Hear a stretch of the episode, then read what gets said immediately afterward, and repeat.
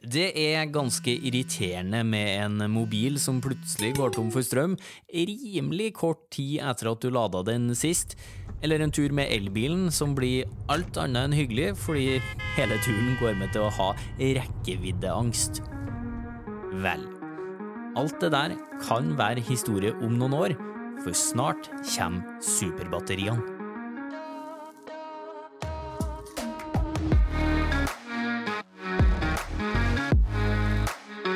Hører podkasten Smart forklart med Aksel Faanes Persson. Hjertelig velkommen til en ny episode av denne podkasten fra oss i Sintef. En podkast der du risikerer å bli litt smartere og få litt større tro på framtida for hver eneste gang du lytter innom.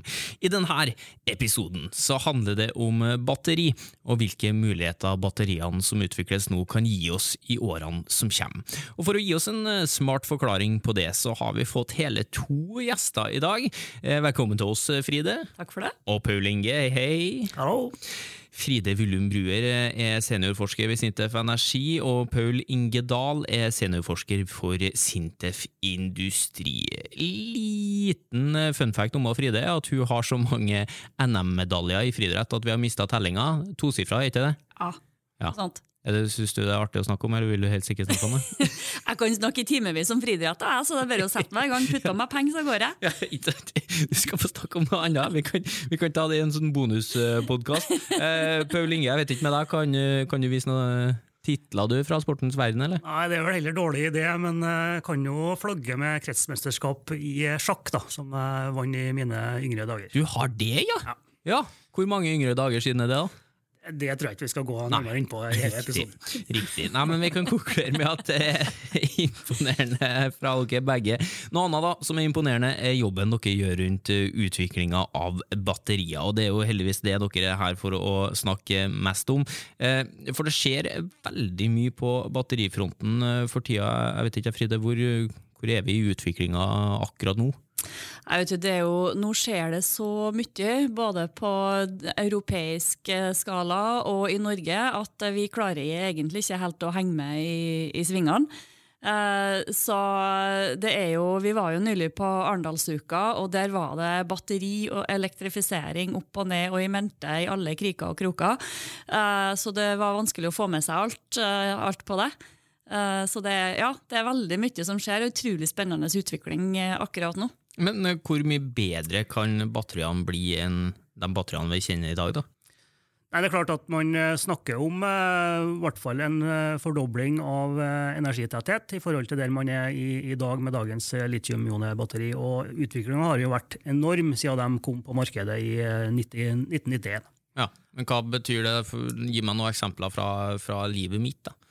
Altså, sånn som Bare på de siste ti årene nå, så har jo, eh, har jo batterikapasiteten øka med ca. 50% Så det vil si at eh, tar du en elbil, da, eh, som tidligere kunne måtte lade kanskje tre ganger mellom eh, Trondheim og Oslo, så holder det nå med én. Så, så det holder, det batteriet ditt det varer ganske mye lenger. Og så er det klart eh, mange som da klager over f.eks. mobilen sin, som tror at det batteriet der er så skitdårlig, men, men det er jo egentlig ikke det. Det er bare at du bruker batteriet ditt som en, eh, som en liten PC, og da drar det fryktelig mye strøm. Ja, men da må jo batteriet komme seg opp på det nivået det, som vi bruker det på, da. Altså, når, for det var jo en lissepasning til noe av det jeg lurer mest Ja, på her. Altså, når får vi et mobilbatteri som varer mer enn i et døgn?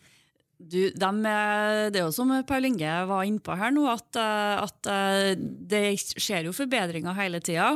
Og jeg har jo trua på at de nye batterier som, eh, ofte, som ofte kalles faststoffbatterier, da, eh, at de kommer i løpet av en eh, fem til ti år på markedet, det har jeg, det har jeg trua på.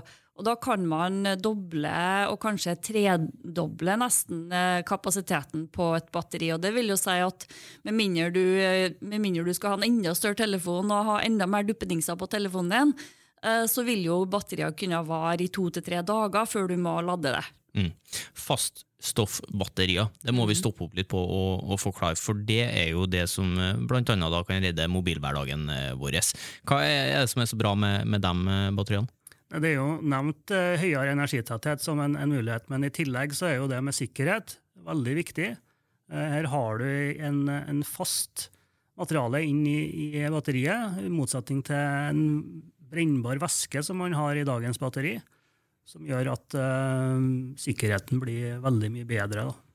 Og så kan det òg fungere på uh, et bredere temperaturskala. Uh, for det er jo som, som vi har snakka litt om tidligere, så er det med, med, batterier, sånn som hvis man er ute på skitur om vinteren, og det er minus, minusgrader, så har det der batteriet en tendens til å slukne på turen. Uh, og det er jo litt kjipt. Så, mens de nye batterier de vil kunne tåle både kulde, men de vil òg kunne tåle mye høyere temperaturer enn det dagens batteri det her er jo bare å rope hurra for. Eh, det er mange irritasjonsmoment som kan eh, forsvinne i eh, framtida. Vi snakker altså om batterier som varer lenger, funker bedre, er lettere og tar mindre plass, og kanskje da også tryggere. Men altså, når de her batteriene kommer, da, og når utviklinga går videre, hva, kommer vi til å bruke batterier til i framtida? Vil jo bli brukt eh, overalt, og det, det, gjør vi jo allerede. ikke sant? Det er jo primært tre områder som eh, man bruker dem på. Det er bærbar elektronikk, som PC-er, mobiler og sånne ting som vi snakker om. Så er det i eh, transportsektoren. Biler, båter, fly, tog, hva som helst. Og i tillegg så har vi stasjonær lagring, da, som er et eh, enormt potensial for bl.a. å stabilisere strømnettet og sånne ting. Eller i eh, mer avsidesliggende strøk hvor man ikke har tilgang på, på strømnett om å stabilisere fornybar kraft, f.eks. Kan jo, kan jo nevnes sånn at uh, f.eks. Widerøe, som uh, står for det kortbanenettet i Norge, uh, de satser jo voldsomt på elektriske fly nå. Og det er jo de flytypene som de bruker med relativt få passasjerer, er jo ypperlig egnet til å, til å elektrifisere. Eh, sånn at eh, innen få år så regner Widerøe med at de skal begynne å ha elfly i lufta. Men eh, hvordan er det mulig? For altså, I dag så er vi jo trygge på at bilene våre går fint på batteri. Men et fly? Det må jo være, kreve noen enorme mengder med energi? Det gjør det. Og, men det var det som man må ha i, en, altså i et fly òg, når, når, du flyr nå. La oss si at du flyr fra Trondheim til Oslo. Eh, mengden med, med, brennstoff, altså flybensin, som man har på det flyet, det er jo nok til å både kjøre til, fra Trondheim til Oslo og tilbake igjen og sirkle litt ekstra. Eh, og det vil jo være tilsvarende på batterier òg. Da må de jo dimensjonere sånn at uh, batteriet skal rekke både dit de skal, og en ekstratur og litt eh, sirkling over flyplassen, sånn at de ikke plutselig stopper opp i, i lufta. og det er klart Med dagens batteri så er det kun uh, den minste flytypen som er realistisk å få elektrifisert med sånn helelektrisk. Men får vi de nye faststoffbatterier, så kan man elektrifisere store deler av flytrafikken. Eh, kanskje bortsett fra de flyene som går sånn type over Atlanteren og til Asia og, og den type langdistansefly. da. Ja. Altså, apropos Atlanteren, altså, det ble jo nevnt, eh, Paul Inge, du nevnte jo skip. Ja. Det er jo én ting å få fly opp i lufta, men svære skip, da? Altså, ja, det er jo litt er forskjell på skip og skip, men uh, så tenker jeg bare i Norge per i dag, da, så har vi jo allerede 40 helelektriske ferger, bilferger, som er oppe og går. Det er snakk om at man skal ha på plass 20 til innen året er ferdig. Og så er det klart at uh, de skipene som skal ha tung last og gå veldig langt, der, der, blir det nok eh, hybridsystemer som, hvor batteri også spiller en rolle, da, men eh, som er løsninga i første omgang. Mm. Eh, hybridvariant er vi òg kjent med fra bilens verden. Men framtida, vi kan på en måte dele opp i du var jo inne på det, tre kategorier. altså det Bærbare duppedingser, bruk i form av transport. Og så snakka du om lagring. Hvilken type lagring da, altså, og hvordan ser det ut? Snakker vi svære containere eh, som er et batteri, liksom, og hva skal de hjelpe oss med? Ja, da blir det ganske svære, svære batterier. Eh, for skal du ha lagre strøm til et helt nabolag, f.eks., eh, så må du ha ganske store batterier. Men de kan lagres i, i containere, så det er ikke sånn at hvert hus skal ha, trenger å ha sitt eget batteri. Men da vil man kunne ha det som støtte i strømnettet. og jo mer fornybar energi vi får fra vindkraft og fra solkraft, så vil vi være avhengig av å kunne lagre strømmen. For det er jo ikke sånn at vi nødvendigvis bruker mest strøm når det er mest sol eller mest vind. Uh, og, og, dermed så må vi kunne lagre i mellomtida. Uh, og i tillegg så har vi jo òg med alt som elektrifiseres, så er det jo en utfordring at uh, klart alle sammen kommer fra jobb, og så plugger de inn elbilen sin og skal lade. Og så går vaskemaskiner og oppvaskmaskiner, og du skal lage middag og alt det der. og klart Da blir jo strømnettet fort overbelasta. Eh, så en av eh, løsningene som bl.a. Sintef forsker på, det er å bruke batterier som støtte i strømnettet. Sånn at man kan lagre strøm på batterier i lavlastperioder, så når vi bruker lite strøm. Og så har vi sånn at vi da kan bruke den strømmen og støtte strømnettet når vi har mer behov for strøm. En liten powerbank, altså, rett og slett, som vi er vant med fra lomma vår, bare ja. i svær skala? Yep. Ja. Men vi er jo vant til trafostasjoner sånn i nabolaget. Kanskje vi da blir vant til svære containere nå? Battericontainere? Ja, absolutt. Ja, spennende. Eh, men det er med andre ord da, stort behov for batterier i framtida, og det behovet eh, minsker jo ikke med alle tingene dere, bruksområdene dere skisserer her. Da. Eh, så har det vært mye snakk om batterifabrikker i det siste i Norge, der en god del kommuner har kasta seg inn i kampen om å lokke til seg de her fabrikkene. Men hva eh, kan de her fabrikkene, da, batterifabrikkene, gi oss, som bortsett fra kortreiste batterier? da? Eh, altså Batterifabrikkene det er jo svære fabrikker som har masse arbeidsplasser. Eh, vi snakker 2000-3000 arbeidsplasser kanskje per fabrikk. Eh, og det er jo kun fabrikkene i seg sjøl som vil kunne skape de arbeidsplassene.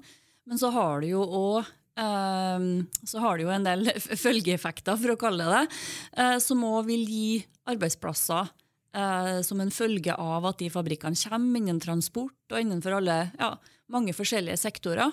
Sånn at uh, vi regner jo at den industrien her kan, uh, kan uh, by på ganske mange tusen nye arbeidsplasser i Norge, og betydelige inntekter, ikke minst, i form av eksport til, til utlandet. Men trenger vi sånne fabrikker i Norge, da? Det finnes ikke noe av dem i utlandet? Det finnes ikke nok eh, batterifabrikker i verden per i dag. Eh, etterspørselen er så enorm at eh, man klarer ikke å henge med på produksjonssida. Um, og I tillegg til potensialet som, som Fride nevner, altså vi snakker jo om her en eksportmulighet for Norge som kan gå utover det vi har fra sjømatnæringa i dag, innen ti år. Og det er på over 100 milliarder kroner. Så det er, kan være eh, enormt. Men eh, har vi noe som, kan vi da stemple de batteriene med ekstra grønn, siden de kommer fra Norge, eller har vi noen fordeler der? Det har vi helt klart. Fordi hvis vi ser på, Det har jo vært litt kontroverser rundt akkurat det der. fordi at altså, Fram til nå så har jo nesten alle litiumbatterier, eh, altså battericellene i verden, vært produsert i Asia eh, hovedsakelig i Kina, Korea og Japan. Eh, I Kina så har jo mye av de batteriene vært produsert på kullkraft. Eh, og det er jo ikke særlig energi- og miljøvennlig.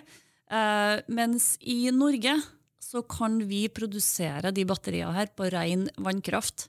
Det vil si at vi kan lage batterier som er mye mer miljøvennlige og mer bærekraftige enn det som er realiteten for dagens eh, batterier som kommer fra Asia. Men, men, hvis alle i verden skal drive på å lage batteri, da, så finnes det nok materiale i det hele tatt til, til alle de her batteriene? Materialer er en utfordring som vi, vi kikker på. Um, og spesielt uh, er det snakk om litium og kobolt. Uh, begge er såkalte kritiske råmaterialer som det er begrensa med forekomster av. Det vil si, litium er det veldig mye av i verden, men det er vanskelig å utvinne. Um, men det jobbes jo aktivt. Vi forsker jo på det i Sintef òg. Og med neste generasjons batterimaterialer som er fri for kobolt, har i hvert fall halvert litiuminnholdet. Uh, I tillegg til det så, så, kommer man jo opp med krav om og nye teknologier for å resirkulere batteriene, som blir veldig viktig i fremtida. Mm. Men et batteri da, i seg sjøl, altså hvor miljøvennlig er det? det kommer an litt på hva du tenker. Uh, det er klart, man Eh, et batteri det krever jo energi å lage. Eh, men, men, vi må ha en måte å lagre energi på. Uh, og, og, da er det jo spørsmålet hva, om, hva, hva er det som er mer miljøvennlig enn noe annet. Men det er klart, hvis man, uh, sånn som det er, uh, hvis man ser på karbonutslippene som er forbundet med batteriproduksjon i dag Hvis man produserer batterier i Norge, så kan vi mer enn halvere de karbonutslippene i forhold til det som er, som er reelt for dagens batteri. Men klart, noe utslipp det, det kommer man ikke unna. Men så kan man jo se på, hvis man ser på livsløpet da, til et batteri, eh, og kan man forlenge det? La oss si at et batteri kan leve i opptil 20-30 år. Uh, og du lader da på ren energi, på fornybar, og på vannkraft og på sol og vind, så, så vil jo det her nulle seg ut i lengda, og du vil uh, og, og, mer enn det, for å si det sånn. Så er det jo den opplagte fordelen med at du i hvert fall i transportsektoren da, har null utslipp av klimagasser under bruk. Og så er det en annen ting som ofte er glemt oppi det hele òg, og det er støyreduksjon med el i forhold til diesel- og bensindrevne motorer. Eh, og det er en ganske stor utfordring, eh, vet jeg, bl.a. innenfor fiskeri og, og havbruk, for der er det såpass mye støy fra diesel- og bensinmotorer. Ja, ja, Det er jo et godt poeng. Det er jo litt som når jeg kjører elbil, da, eh, så, så merker jeg jo det at eh, den dieselbilen jeg hadde før den elbilen, den bråka veldig mye mer. Eh, men jeg må bare tilbake til, for da dere nevnte kobolt i stad, så dukka det opp en sånn varseltrekant i hodet mitt. For det har det jo vært litt kontroverser rundt. Hva, hva er det, og hvorfor er det så kontroversielt? Ja, Det stemmer, det. 70% av verdens koboltproduksjon i dag foregår i Kongo. Eh, mye av det er helt ok i produksjon, men så er det også en del, en viss andel som, som er såkalt uetisk eh, smågruvedrift, hvor man gjerne har eh, trange gruveganger, barnearbeidere osv., som gjør at det er mye snakk rundt kobolt og problematikken rundt det. Det, jo, det har jo allerede kommet krav om at man skal kunne spore hvor materialene som du har i batteriene dine, kommer ifra. Eh, og Der er jo opplagt at eh, kobolt er noe man kikker spesielt på. Eh, I tillegg så kikker vi på å redusere eller fjerne kobolten fullstendig fra batteriene. Og Det går jo ikke bare på det etiske forbundet med utvinninga, men det går jo på det miljømessige rundt kobolten. Det er jo ikke, det er jo ikke de beste materialer egentlig man, man, bruker. Sånn sett er jo f.eks. mangan og, og, jern mer gunstige materialer da, for miljøet. Og alt det her er jo dere og resten av batteriforskerne i Sintef med på å, å drive framover i utviklinga på å finne nye måter å skape bedre batterier på. Eh, miljøvennlige løsninger og alt det der. Eh, våren 2022 det er noe jeg vet dere gleder dere veldig til. Da får dere et nytt verktøy eh, som heter for en eh, batterilab. Jeg vet ikke, Hva kan den laben hjelpe oss med når det kommer til å ta nye steg? da? For det første så må jeg jo si at Vi har jo batterilab i dag også, så det er jo ikke det at vi mangler det. Men uh, vi nå har satset stort uh, og lager en større lab, uh, hvor vi kan kikke på bl.a. produksjon av battericeller på en kanskje bedre, mer miljøvennlig måte. Se på nye batterimaterialer og backe opp da, den norske batteriindustrien langs hele verdikjeden. Og Det som blir så bra med den nye laben som vi skal få nå, det er at vi kan lage batterier som er mye større enn det som vi har kunnet gjort eh, frem til nå. Så at vi kan lage dem mer industristørrelse, skala. Eh, og Det gjør at vi kan tilpasse mye av forskninga vår eh, til industriaktørene som vi jobber med. For eksempel også kan vi teste batterier på høyere spenninger. Sånn som I dag så er jo veldig mange av batterier så fungerer de på ca. 400 volt. Eh, men etter hvert så skal jo bl.a. elbiler opp på 800 volt. Og kommer man på elferger og skip, så skal man kanskje på over 1000 volt. Uh, her er det veldig lite som er forska på både batterier, hvordan de fungerer, og, og, ikke minst systemer rundt, hvordan de fungerer på de spenningene. Og Det er ting som vi skal kunne forske på når vi får de nye lab-fasilitetene våre. Mm. Spennende, altså. Eh, men du var jo inne på det, hvordan batterier fungerer. Det har ikke vi snakka om ennå. Hvordan er det et batteri fungerer, hvis dere har en eh, smart forklaring på det? da? Ja, jeg kan jo ta den, ja. Uh, altså, et batteri er jo ganske komplekst. Uh, sånn at uh, Det er jo derfor at vi forsker så mye på det, for det er så mye som skjer inni et batteri som er vanskelig å liksom kontrollere og finne ut av. Men hvis man skal kunne forklare det ganske enkelt for en person som ikke er kjemiker eller fysiker, da, så er det jo at man lagrer energi. Og du driver og flytter litt den energien fram og tilbake. Så man kan jo sammenligne f.eks. med å ha to bøtter. Du har ei bøtte med vann som står oppå et bord, og så har du ei tom bøtte som står på gulvet. Når den bøtta oppå bordet er full av vann, så er batteriet ditt fullada. Og så bruker du batteriet, så tømmes det vannet ned i den bøtta på gulvet. Og det går jo litt av seg sjøl, bare du gir den bøtta et lite dytt. Eh, men når den bøtta på bordet er tom, da, så må du få frakta det vannet tilbake opp i den bøtta. Og Det er litt som å lade batteriet ditt igjen. Da plugger du eh, telefonen din inn i veggen med en kontakt, og så, og så får du, eh, så du lada det opp igjen. Og Det er det samme som at du da tar og tømmer vannet fra bøtta på gulvet opp i bøtta på bordet. Var ikke det bra forklart, da, Pøllinge? Inge? Jo, jeg syns det, men jeg syns òg du kan uh, ta med en tappekran på denne bøtta. Ok. Ja, godt poeng. Um, ja. Fordi uh, Nå begynner det å bli avanserte batterier her.